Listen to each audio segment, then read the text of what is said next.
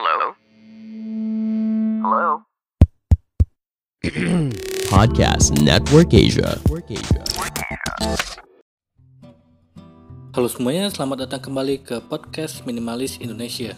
Podcast ini didukung oleh Podcast Network Asia. Untuk mempelajari lebih lanjut tentang podcast lain dan juga networknya, ikuti Podcast Network Asia di media sosial atau kunjungi situs webnya di podcastnetwork.asia. Podcast ini juga didukung oleh Podmetrics, cara termudah memonetisasi podcast kamu. Daftar sekarang gratis di podmetrics.co.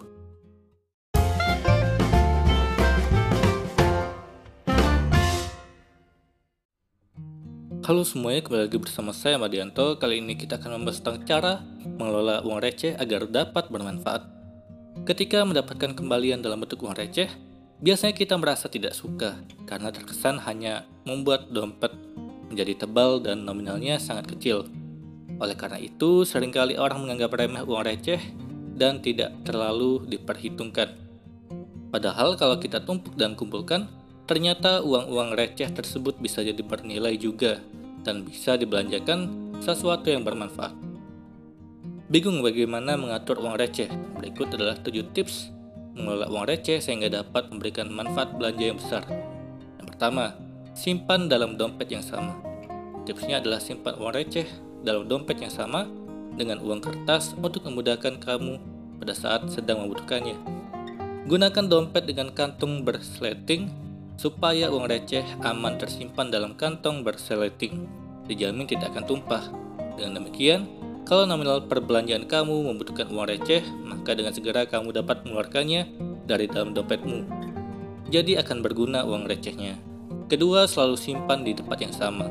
Di rumah atau di kantor, letakkan uang-uang receh di tempat yang sama dari waktu ke waktu. Kalau memang di atas meja kerja, maka selalu letakkan di sana. Jangan sembarangan meletakkannya di atas lemari, di tempat tidur, di kamar mandi, dekat mesin cuci, dan tempat-tempat lain yang bisa membuatmu melupakan uang-uang receh tersebut. Kalau konsisten diletakkan di tempat yang sama, maka mudah mengaturnya sesuai tips ketiga berikut ini. Tips ketiga yaitu menyediakan waktu merekatkan uang receh. Di waktu akhir pekan, ketika kamu sedang tidak berbelanja bersama keluarga atau teman-temanmu, pergilah mengimpun uang-uang logam tersebut ke dalam susunan kecil, lalu rekatkan dengan selotip 10 keping uang 100 rupiah cukup menjadi 1000. 10 keping 200 menjadi sangat berarti ketika direkatkan menjadi 2000 dan seterusnya. Dengan direkatkan maka nilainya menjadi lebih besar dan rapi. Selain itu bisa juga kamu tukarkan dengan uang kertas ke bank atau orang lain yang membutuhkan uang receh. Keempat, jangan lupakan recehan berbentuk uang kertas. Beberapa di antara kita tidak hanya mengabaikan uang receh yang berbentuk logam, tetapi juga berbentuk kertas. Disiplin dan menghargai uang adalah kunci mengelola uang receh dalam bentuk kertas. Disiplin sebab harus berlanjut menyimpan kembali uang kertas ke dalam dompet. Seringkali kita punya kebiasaan mengeluarkan uang, tapi lupa membiasakan menyimpan uang kecil. Sedangkan menghargai uang berarti sadar bahwa jumlah kecil tersebut tetap akan bermanfaat ketika dikumpulkan sebanyak-banyaknya. Seberapapun kecilnya nominal uang itu sebenarnya akan berharga. Kelima, berikan kepada mereka yang membutuhkan. Meski inflasi sedang, sudah, dan selalu terjadi di sekitar kita, tetap ada pengamen atau pengemis yang membutuhkan uang lebih daripada kita membutuhkannya. Khususnya uang-uang receh. Tipsnya adalah jangan berikan 100-200 saja, tapi berikan beberapa keping sekaligus. Semoga itu bermanfaat untuk menaikkan daya beli mereka. Aktivitas ini juga bisa menjadi ladang amal bagi kita. Keenam, tukarkan kepada pengusaha UKM. Tipsnya adalah tukarkan kepada usaha-usaha mikro atau kecil yang membutuhkan uang receh sebagai kembalian.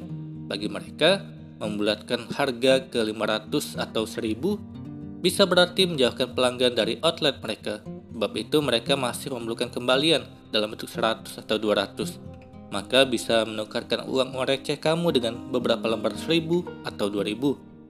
Tentu mereka lebih berbahagia kalau kamu menukarkan uang receh ke dalam jumlah besar. Ketujuh, mari menghargai uang. Terkadang kita terbiasa untuk hanya menghargai hal-hal yang berdampak besar seperti satu lembar 50 ribu atau 100 ribu. Padahal mungkin kalau kamu kumpulkan jumlah uang receh yang sudah kamu sia-siakan selama ini, nilainya sama dengan nominal besar.